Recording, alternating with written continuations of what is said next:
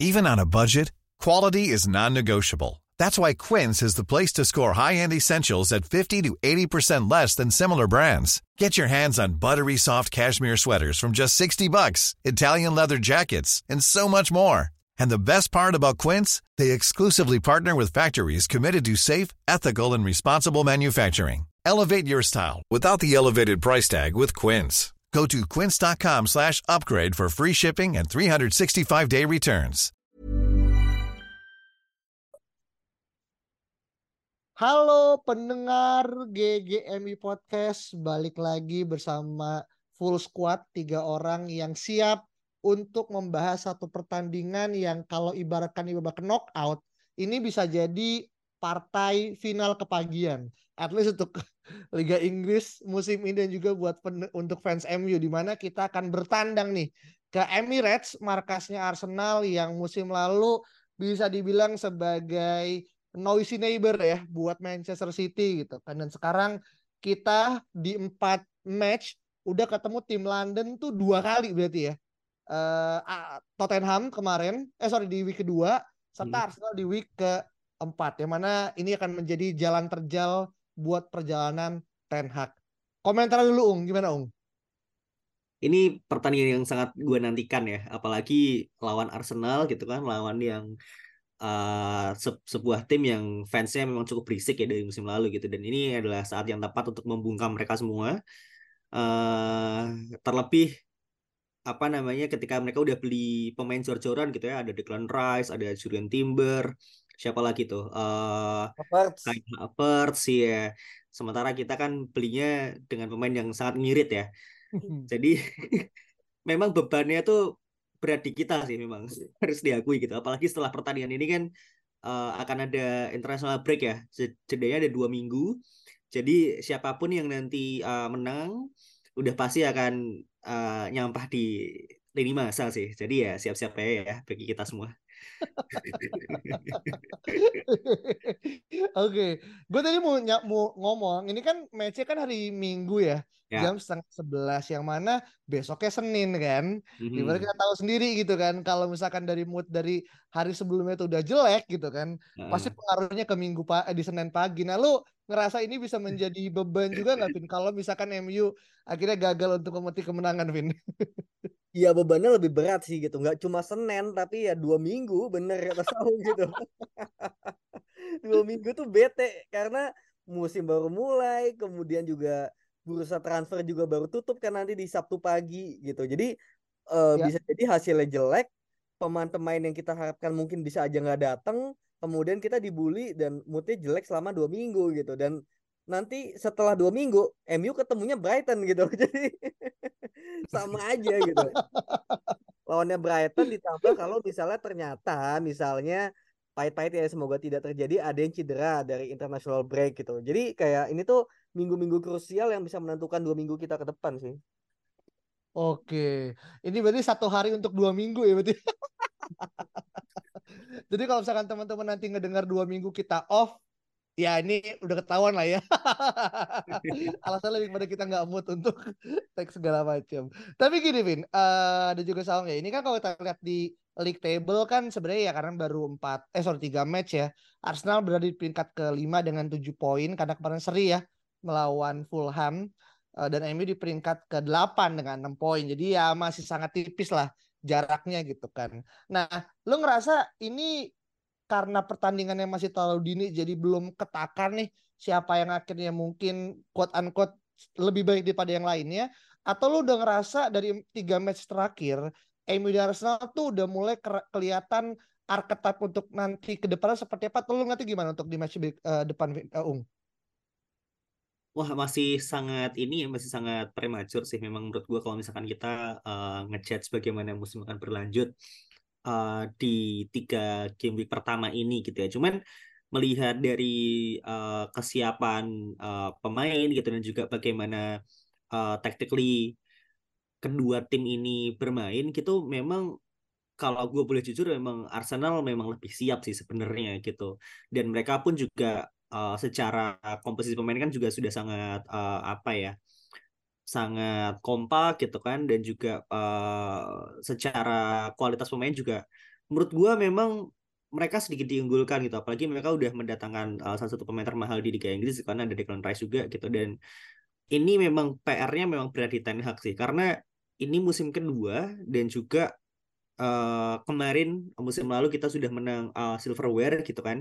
Jadi apabila memang kita tidak bisa memberikan uh, apa ya sebuah permainan yang memang terlihat gitu oh memang blueprintnya Ten Hag tuh ya permainannya memang harus seperti ini gitu dan juga record away kemarin yang sangat jelek gitu ya bahwa uh, kita cuma dapat satu poin kalau nggak salah dari total uh, game lawan top 9 uh, away jadi memang ini adalah masalah yang harus segera diselesaikan sih dan hopefully ketika kita tandang di Emirates besok kita bisa raih poin penuh. Hmm, Walaupun okay. tanpa Rasmus Højlund ya kayaknya ya. Nah, itu juga mau gue tanyain tuh karena kan banyak orang yang akhirnya berspekulasi kalau Hoylun yang katanya udah melakukan training bersama dengan squad ya. Hmm. Walaupun tadi gue gue nonton yang apa prepare begins against Arsenal di YouTube PMU nggak ada tuh uh, mukanya Hoylun gitu kan atau emang yeah. mungkin sengaja di blur gitu kan atau diumpetin atau bahkan nggak di biar semacam kayak surprise gitu. Tapi lu ngerasa apakah misal ya Hoylun akan tampil nih ini akan menjadi sosok pembeda nggak sih Vin? Karena kan Hoylund kan bisa masih dibilang uh, misteri ya buat tim-tim yang akan dilawan sama MU karena tiga match dia belum main gitu. Jadi kita nggak tahu atau mungkin tim lain belum tahu nih cara bermainnya seperti apa dan trade ball trade seperti apa. Nah, lu akan lihat ini sebagai potensi atau ancaman karena dia datang di permainan atau di game yang terlalu beresiko untuk pemain baru tuh bisa tune in. Iya ancaman sih, tapi ancaman buat tim kita sendiri gitu. Iya, iya. Gue juga pinginnya sih ancaman buat tim lawan ya, buat Arsenal gitu karena kita beli pemain 85 juta, harapannya kan langsung bisa bermain, bahkan kalau bisa tuh langsung nyetel gitu. Cuma alih-alih seperti itu malah cedera gitu, cedera yang mungkin hampir sebulan total ya sama international break gitu. Jadi um, gue sendiri sejujurnya nggak yakin ya bahwa dia tuh nantinya bakal bisa diturunkan paling kalaupun diturunkan itu pun dari bench dan itu juga mungkin situasional gitu tergantung.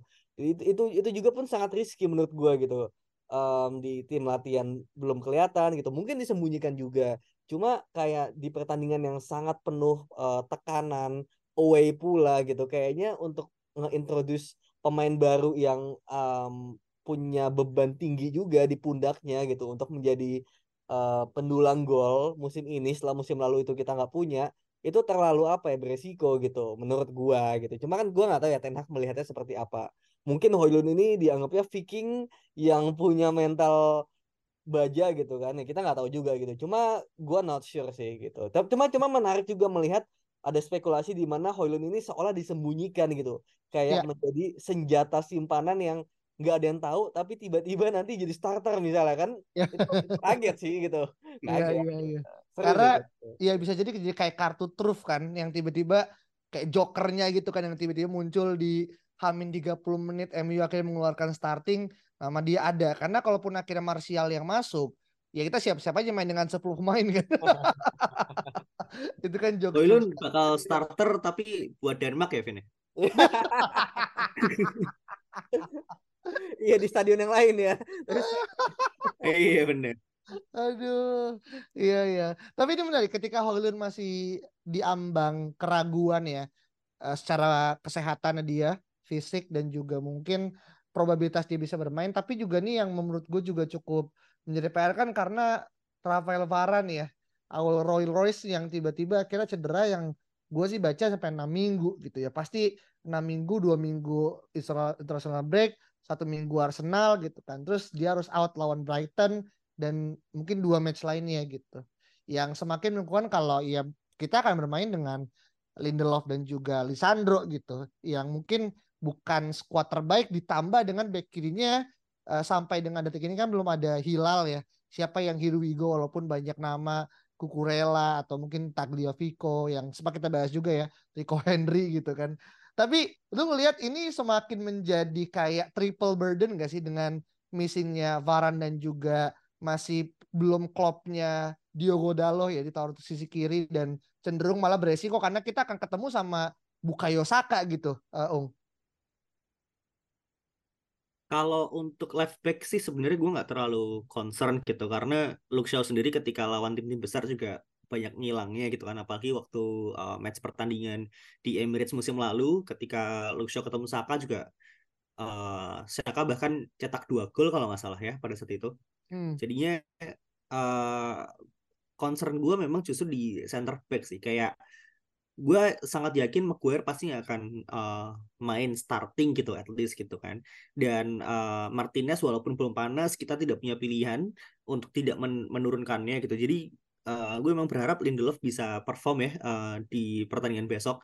Dan kalaupun memang kayak apa ya sangat-sangat short handed sekarang ya mungkin Johnny Evans juga bisa masuk bench kali ya gue nggak tahu sih apakah dia udah dikontrak atau belum cuman yang jelas uh, semakin musim ini berjalan semakin uh, bodoh kali ya ketika kita menolak tawaran West Ham gitu untuk 30 juta pounds pada saat itu untuk Harry Maguire sih. Jadi ya hmm. semoga nggak menggigit kita ya sih ini. ini judulnya kayak parasit ya. Iya iya iya. Ya, dan iya. dan itu uh, benar tadi kayak Luxio itu di lawan Bukayo Saka di Emirates lalu emang jelek banget kan. Um, nah ini dengan Diogo Dalot sebetulnya sebetulnya dengan Saka yang nantinya kemungkinan lebih sering bakal masuk ke dalam itu kan secara kaki ya Dalot kan kaki kanan ketika dia defending kan harusnya lebih enak ya beloknya ke kanan juga gitu dengan oh. kaki dia ke kanan badinya itu body position itu lebih enak sebetulnya ketika bertahan gitu aja sih jadi menghadapi pemain sayap yang invert itu sebenarnya lebih mudah bagi Diogo Dalot di atas kertas ya gitu. Cuma kita nggak tahu ya kalau nanti secara positioning atau kayak kemarin kan lawan Fulham juga Diogo Dalot ada satu momen positioningnya meskipun ya itu juga salah Casemiro ya yang dia nggak track back tapi Diogo Dalot agak ini juga nih positioningnya agak salah gitu. Jadinya mungkin semoga itu nggak terjadi ya lawan Bukayo hmm. Nanti. I see, I see. Kita akan menantikan ya gimana kira Bukayo Saka akan head to head melawan Dalot walaupun gue sih berharapnya Wan Bisaka ya yang sama Saka kan tapi kayaknya agak susah karena kan duanya berlawanan ya secara posisi gitu kan tapi will see. Nah ini yang menarik nih Vin. Jadi gue baca ya dari talksport.com ternyata eh, legenda dari Aston Villa itu adalah Gabriel Agbonlahor tuh seolah mempertanyakan apa yang dilakukan sama Arteta ketika melawan Fulham. Dan ada dua hal yang mereka tuh eh sorry dia tuh mempertanyakan satu kenapa akhirnya uh, Arteta menggunakan false nine dengan menunjuk Kai Havertz sebagai ya quote unquote striker lubang ya. Yang pertama dianggap nggak efektif dan banyak juga akhirnya orang bilang ya namanya bukan Mason Mount makanya nggak dibahas-bahas gitu kan. Jadi kayak hilang dari peredaran gitu. Dan yang kedua dia menggunakan Thomas Partey bermain sebagai bek kanan gitu. yang menurut gue juga ya satu sisi mungkin multifungsi yang kedua jadi lu punya William Saliba gitu kan lu punya uh, Ben White gitu, bahkan Tomiyasu, malah kenapa akhirnya menggunakan partai di bek kanan gitu. Nah, ini kalau lu lihat apakah dari dari eksperimen-eksperimen ini akan dilakukan lagi oleh uh, Arteta gitu. Dalam arti kayak sama kayak Ten Hag juga memaksakan unquote Mason Mount untuk fit in di uh, nomor 8 bar sorry nomor 10 bareng sama Fernandes atau untuk kali ini Arteta akan bermain pragmatis dengan menggunakan Ketia sebagai uh, striker yang memang hanya dia yang mungkin ada sekarang kira-kira Vin? Iya, kalau untuk back sih sebetulnya alasan kenapa partai main di kanan itu salah satunya karena salah satu back antara back kanan atau back kirinya Arsenal kan harus invert yang menjadi DM ya gitu. Ya. Dan biasanya itu Zinchenko yang di kiri gitu. Jadi Zinchenko-nya dari kiri masuk ke DM, nanti back kanannya si Ben White itu jadi uh, tiga back gitu. Nah, cuma Zinchenko kan cedera.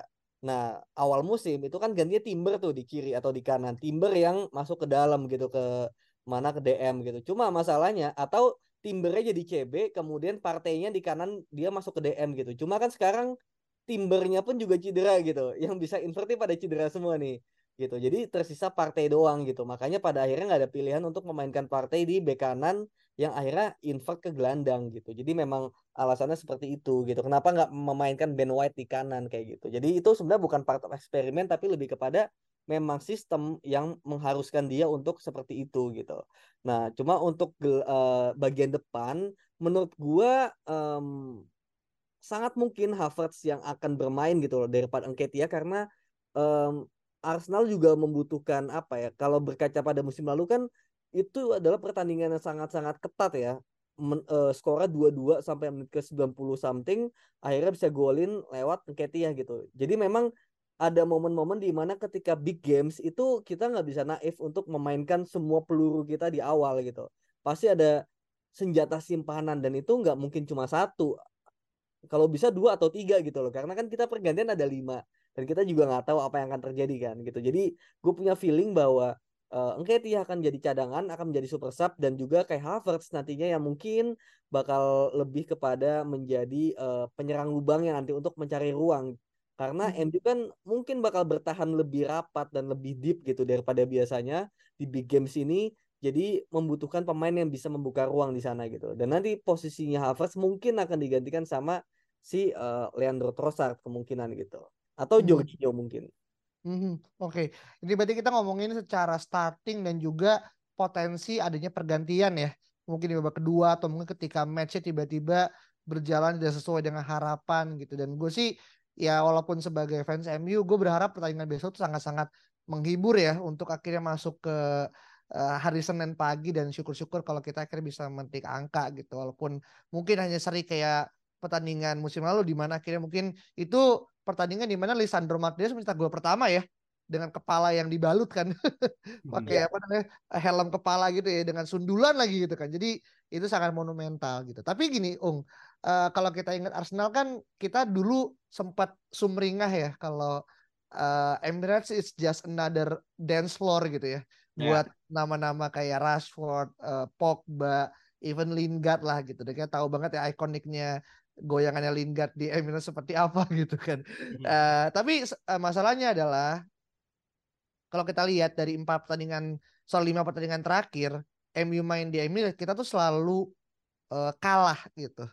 Yang mana ini menjadi salah satu track record yang cukup tidak bagus ya untuk bagaimana kiri kita mencoba mengembalikan hegemoni kalau misalkan ya Emirates tuh ramah kok buat uh, MU gitu. Nah, lo ngeliatnya so far apa yang akan terjadi secara dinamika ketika di lapangan apakah uh, dalam arti kutukan empat match kita terakhir selain dari yang sebelumnya kita akan terus kalah lagi gitu berarti yang kelima gitu atau nggak usah besok akan ada angin perubahan karena dua-duanya pun juga masih coba untuk menemukan ritme pertandingan yang bagus ung um, kayaknya besok adalah saat yang tepat ya untuk kita akhirnya mengakhiri kutukan Emirates ini gitu karena semenjak uh, Pogba dan juga Lingard menari-nari di Emirates kan kayaknya belum ada yang bikin ini lagi ya konten lagi ya di sana ya.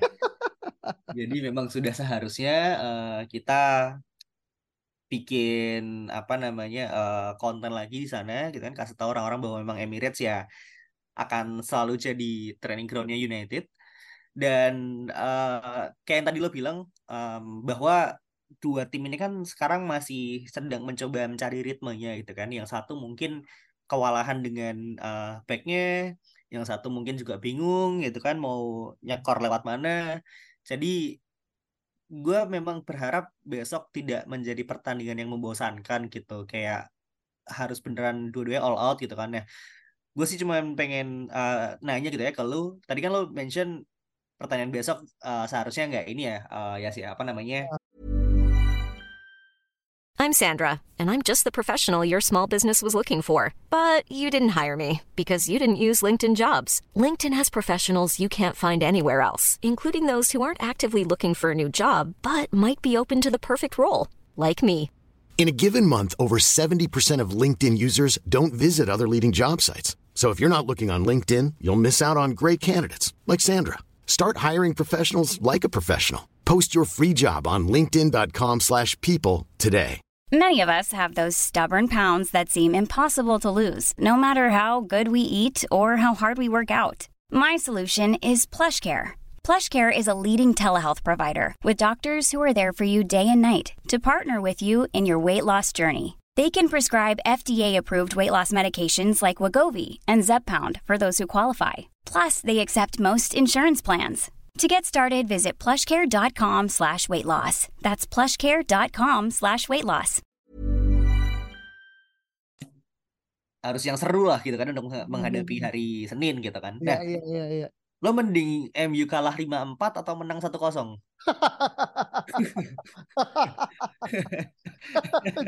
Pertanyaannya Ini- udah apa itu anjir? Ya kalau kalau kalau misalkan kalau 54 kan oh berarti eh pertanyaan seru gitu kan ya klasik Premier League terus kita bisa cetak 4 gol gitu kan. Oh ternyata tim yang nggak bisa nyekorin ternyata bisa cetak gol gitu kan. Tapi kalau satu kosong ya mungkin ya lo akan terkantuk-kantuk gitu.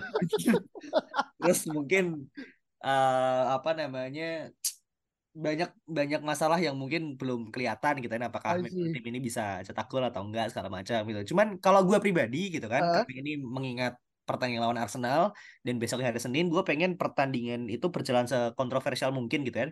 Gue Hmm. pengen MU menang sesampah mungkin lah di Emirates gitu. Dan berarti kalau misalnya kita bisa dapat penalti menit 90 untuk cetak gol winner lakukanlah gitu lah Anthony Taylor saya mohon ya. Jadi eh gue pengen lihat Bruno Fernandes dan juga Rashford ini ya eh, selebrasi di situ sih. I see, I see. Walaupun cuma menang satu kosong gue gak masalah sih. I see. Ini pertanyaan yang lu tanyakan dan Alvin sebenarnya sempat tadi menyangkal nih pertanyaan macam apa tapi lu bos sendiri akhirnya lebih pragmatis karena biar untuk menenangkan ini karena gue bilang kan cuma nggak cuma Senin tapi kan dua minggu ke depan gitu Ya, ya, kan. ya. Jadi uh, tapi kalau gue pribadi ya since mungkin gini ya kayak 54 seru tuh skornya tuh gitu kan.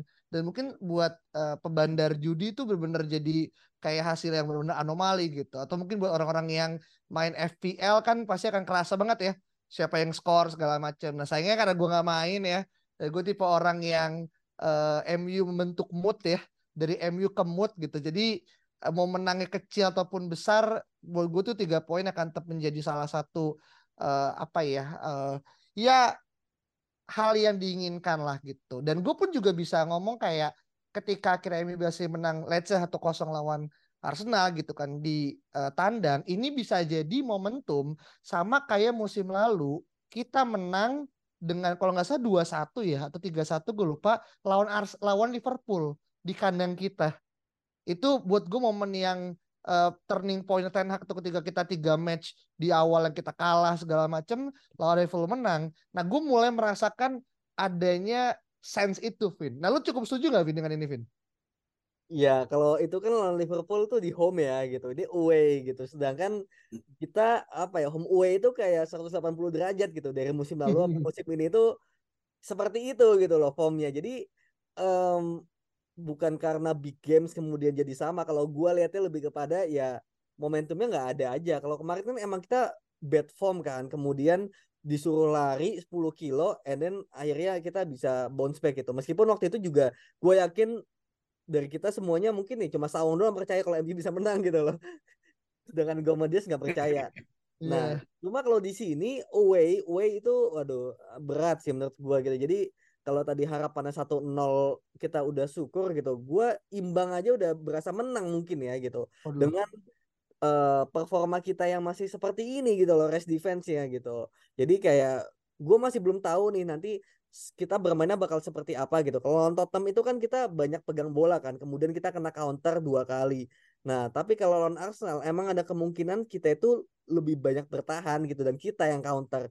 Tinggal bagaimana kita seberapa klinis ketika kita sekalinya dapat counter. Dan ini juga mempertanyakan efektivitas dari Anthony gitu. Ketika dia bagus dalam pressing, off the ball movementnya bagus, tapi kalau buat counter, nah dia kadang-kadang suka mandek di dia gitu loh, entah salah ambil keputusan atau terlalu pelan gitu kan. Dia kan kalah lari sama Partey kan di Emirates lalu kan. Udah iya, iya. sendirian tiba-tiba dikejar Partey dari belakang terus bolanya hilang gitu. Nah, hal-hal seperti itulah yang nanti harus kita bisa apa ya kita nilai gitu. Kalau kita bisa maksimalkan counter kita dan bisa cetak gol itu bisa killing them gitu, killing Arsenal. Tapi kalau nggak bisa ya kita udah nggak punya cara lain gitu. Hmm. Mhm. Gua Iya, gua iya. tahu sih salah satu solusinya ya, cara lain yang memang seharusnya dari musim kemarin tuh sudah dilakukan gitu, yaitu eh, biarin Ten Hag apa namanya ngelatih dan memanajering United di kandang, sementara United ketika tandang atau ketika away Ole yang ngelatih sih. Waduh, bisa Iya gitu ya kan? hybrid coach Iya. ya. Jadi tim topnya nanti nonton United comeback 99 gitu kan. Aduh. Uh, terus selama sepanjang musim kan pasti bisa lah jadilah eh, unbeaten lagi ya di away. Anjir, gue inget dua kelas itu kayak ini tuh kayak plat kayak ini agak ini ya, cuman eh, ini mengingatkan gue aja kayak uh, tim Indonesia basket yang punya dua pelatih ketika dulu pas kita menang uh, emas Games. Jadi kayak terus kayak terus dua-duanya punya perannya masing-masing gitu. Ya ini bukan home away ya kalau basket lebih kepada mungkin yang satu taktikal, yang satu mungkin ke manajerial gitu. Tapi kayaknya sih susah ya membuat itu jadi akhirnya ada gitu dan pasti kan nggak mungkin ada dua matahari kan dalam satu tata surya gitu. tentu ya pasti ada ini. Tapi buat gue ini adalah ide yang di luar nalar ya dan uh, apa namanya tentu akan disambut dengan hah momen gitu oleh para pendengar. Tapi mungkin terakhir nih ke kalian tentu ini gue nggak berani atau belum berani menyentuh ranah uh, prediksi skor. Tapi lebih kepada kayak siapa satu pemain di Arsenal yang mungkin wajib untuk mendapatkan sorotan gitu uh, dari Alvin dan juga Saung yang mana mungkin dia nggak akan nge-score atau nyetak assist, tapi dia akhirnya bisa mencoba untuk membuat ya tadi kelemahan kita di rest defense, terutama Casemiro yang mungkin belum dalam kondisi performa terbaik ya, plus Amrabat juga kayaknya belum sampai pada level kita akan memainkan dia di laga hari Minggu gitu. Siapa orang yang akhirnya menjadi misteri lain nih uh, dari Luung? Um, kalau gue uh, pertandingan besok menurut gue akan sangat sangat heavy di midfield ya. Jadi kalau misalnya ada satu pemain yang memang kita harus uh, apa namanya kasih sorotan, ya mungkin si nasi itu sih uh, basmati rice itu ya. Iya, Karena gue memang merasa kita sangat-sangat kewalahan di midfield gitu di beberapa pertandingan terakhir. Uh, Mason Mount tentu nggak akan main besok gitu kan. Gue masih nggak tahu apakah Erikson akan starting dan apakah Casemiro bisa segera menemukan performa terbaiknya gitu. Cuman gue punya feeling besok akan sangat-sangat berat di midfield sih gitu dan salah satu alasannya ya kalau nggak Declan Rice yang mungkin uh, I don't know mungkin Thomas Partey atau siapa Trossard sih yang akan cukup menyulitkan sih. Wow, oke. Okay. Trossard bisa dibilang hmm. dia super, super sub ya. Karena kan dia kan nah, iya. Uh, iya kayaknya kan? sih gitu. Kayak sih gue gue udah feeling ini ini pemain sejak di Brighton kan gue cukup uh, sering lihat dia ya gitu dan makanya sejak dia pindah ke Arsenal gue cukup bete sih karena dia di Brighton emang beneran jago gitu dan beberapa apa di akhir-akhir musim lalu kan dia sempat cetak beberapa assist dan beberapa gol juga kan gitu jadi di uh, momen di mana kita sangat kehilangan uh, fullback dan juga keseimbangan di back four, menurut gue Trossard harus dipertimbangkan sih gitu. Untuk beneran dijagain gitu. Apalagi striker mereka kan lagi uh, sangat susah gol gitu ya. Jadinya memang di sisi kanan atau kiri entah itu uh, Bukayo Saka atau mungkin Trossard atau mungkin Martinelli itu yang harus jadi poin perhatian sih gitu. Cuman kembali lagi gitu. Ketika kita bisa menang di midfield harusnya pertandingan berjalan uh, apa namanya cukup mudah sih untuk United nantinya. Makanya kuncinya bagi gua tetap di Declan Rice. Oke, masalahnya kan yang menetralisir Declan Rice kan pada saat pramusim kan lagi cedera ya, alias Kobe Mainu gitu kan. Jadi kayaknya ini menjadi another level yang harus untuk bisa di apa ya dicari lah siapa nih sosok antitesis dari Declan Rice gitu. Nah, lu siapa nih, uh, Vin?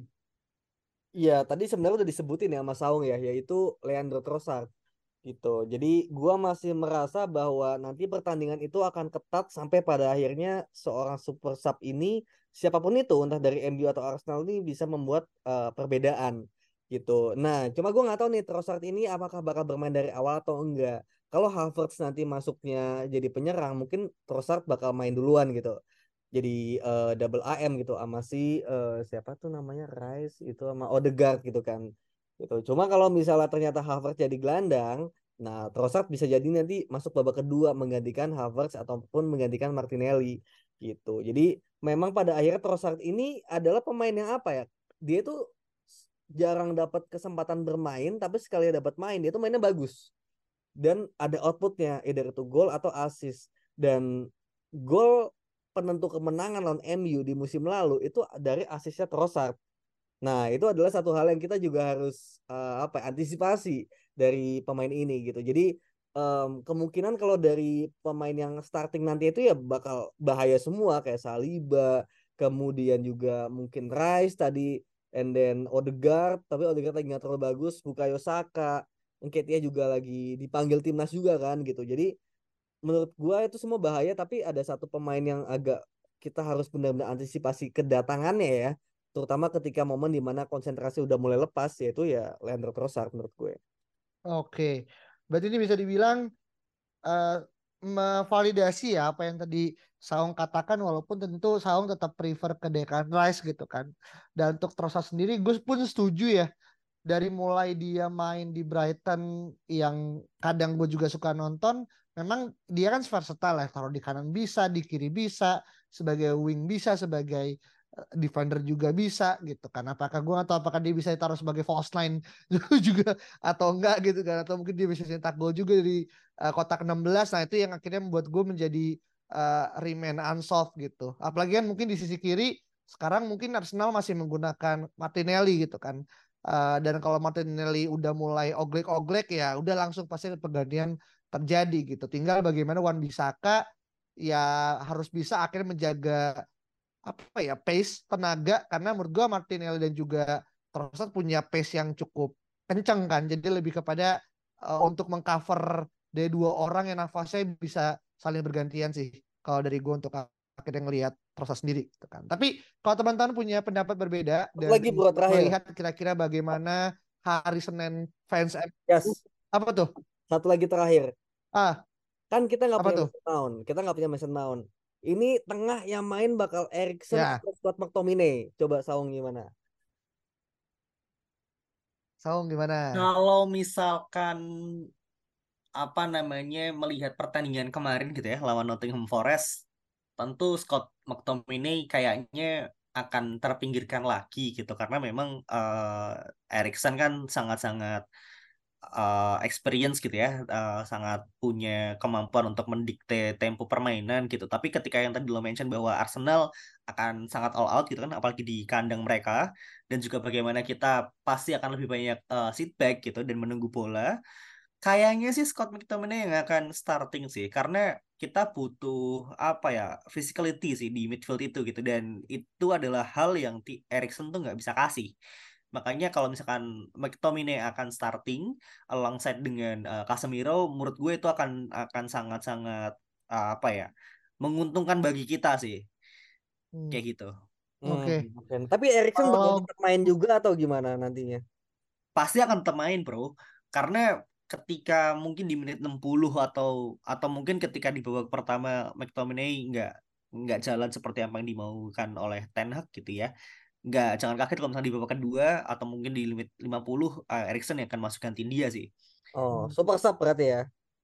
Nah, hopefully ya, hopefully dia akan bisa di super sub gitu karena gue gue ingin melihat United itu sebenarnya unggul lebih dulu gitu entah itu satu kosong atau dua kosong baru kita masukin Erikson karena kita butuh seorang pemain yang bisa ngatur tempo permainan gitu kan. Apalagi ketika kita unggul gitu ya. Dan uh, McTominay maupun Casemiro itu nggak bisa kasih hal itu sih. Hmm. apalagi Bruno Fernandes gitu. Karena uh, mindset dia kan pasti akan lari ke depan uh, passing Rashford cetak gol gitu kan. Jadi kayaknya akan sangat sulit untuk kita bisa mengendalikan permainan dengan hanya McTominay seorang sih.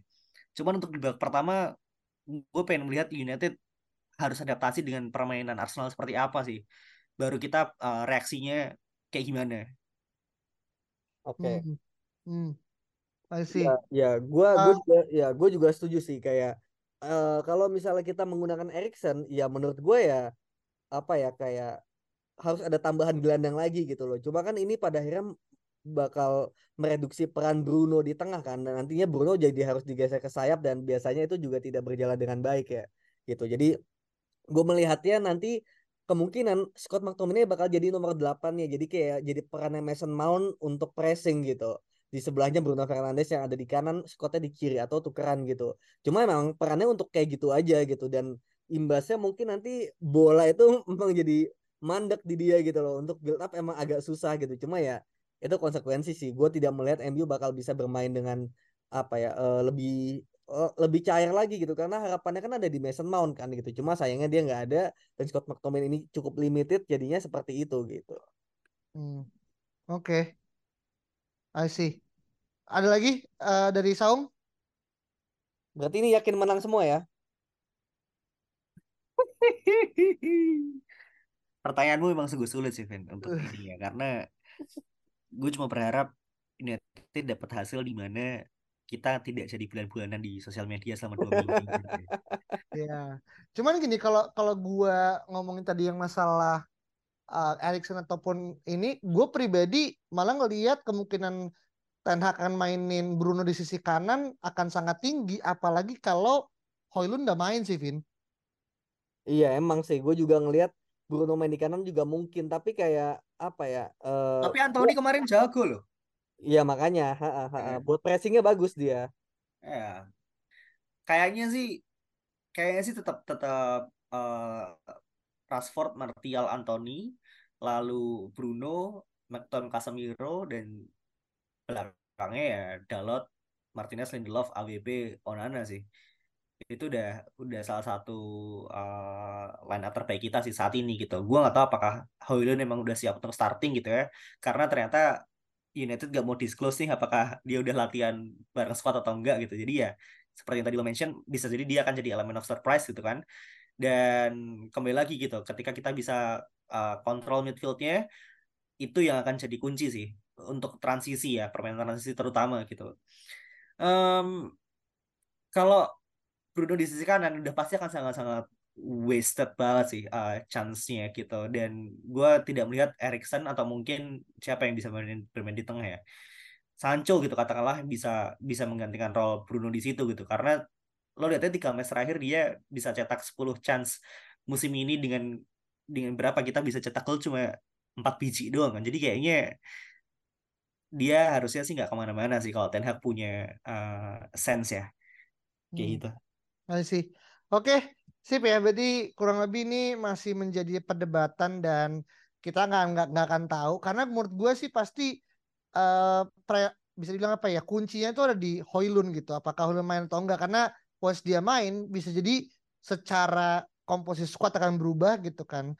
Atau secara bagaimana Ten Hag akan melihat Arsenal bermainnya seperti apa. Kalau kita bermainnya reaktif ya, buat gue sayang memainkan Erikson gitu karena pasti kita akan kalah gitu. Tapi kalau misalnya kita bermainnya untuk menunggu dulu gitu kan, eh, dalam arti kayak ya udah membiarkan Arsenal ya mengotak-atik sedikit dua dikit gitu ya. Buat gue sih McTominay adalah pilihan tepat ya.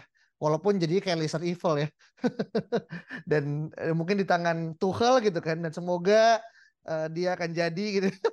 Seperti yang pernah gue bilang sama Alvin diskusikan kemarin. Tapi kita akan lihat sampai dengan hari Sabtu pagi di mana bursa transfer akan ditutup menjelang Hamin satu pertandingan melawan Arsenal. Itu aja teman-teman. Jangan lupa kasih bintang 5, share dan juga kalau teman-teman pendapat berbeda komen aja di Twitter at Podcast. See you on another episode. Bye-bye. Mom deserves the best, and there's no better place to shop for Mother's Day than Whole Foods Market. They're your destination for unbeatable savings, from premium gifts to show-stopping flowers and irresistible desserts. Start by saving 33% with Prime on all body care and candles. Then get a 15-stem bunch of tulips for just $9.99 each with Prime. Round out Mom's menu with festive rosé, irresistible berry chantilly cake, and more special treats. Come celebrate Mother's Day at Whole Foods Market.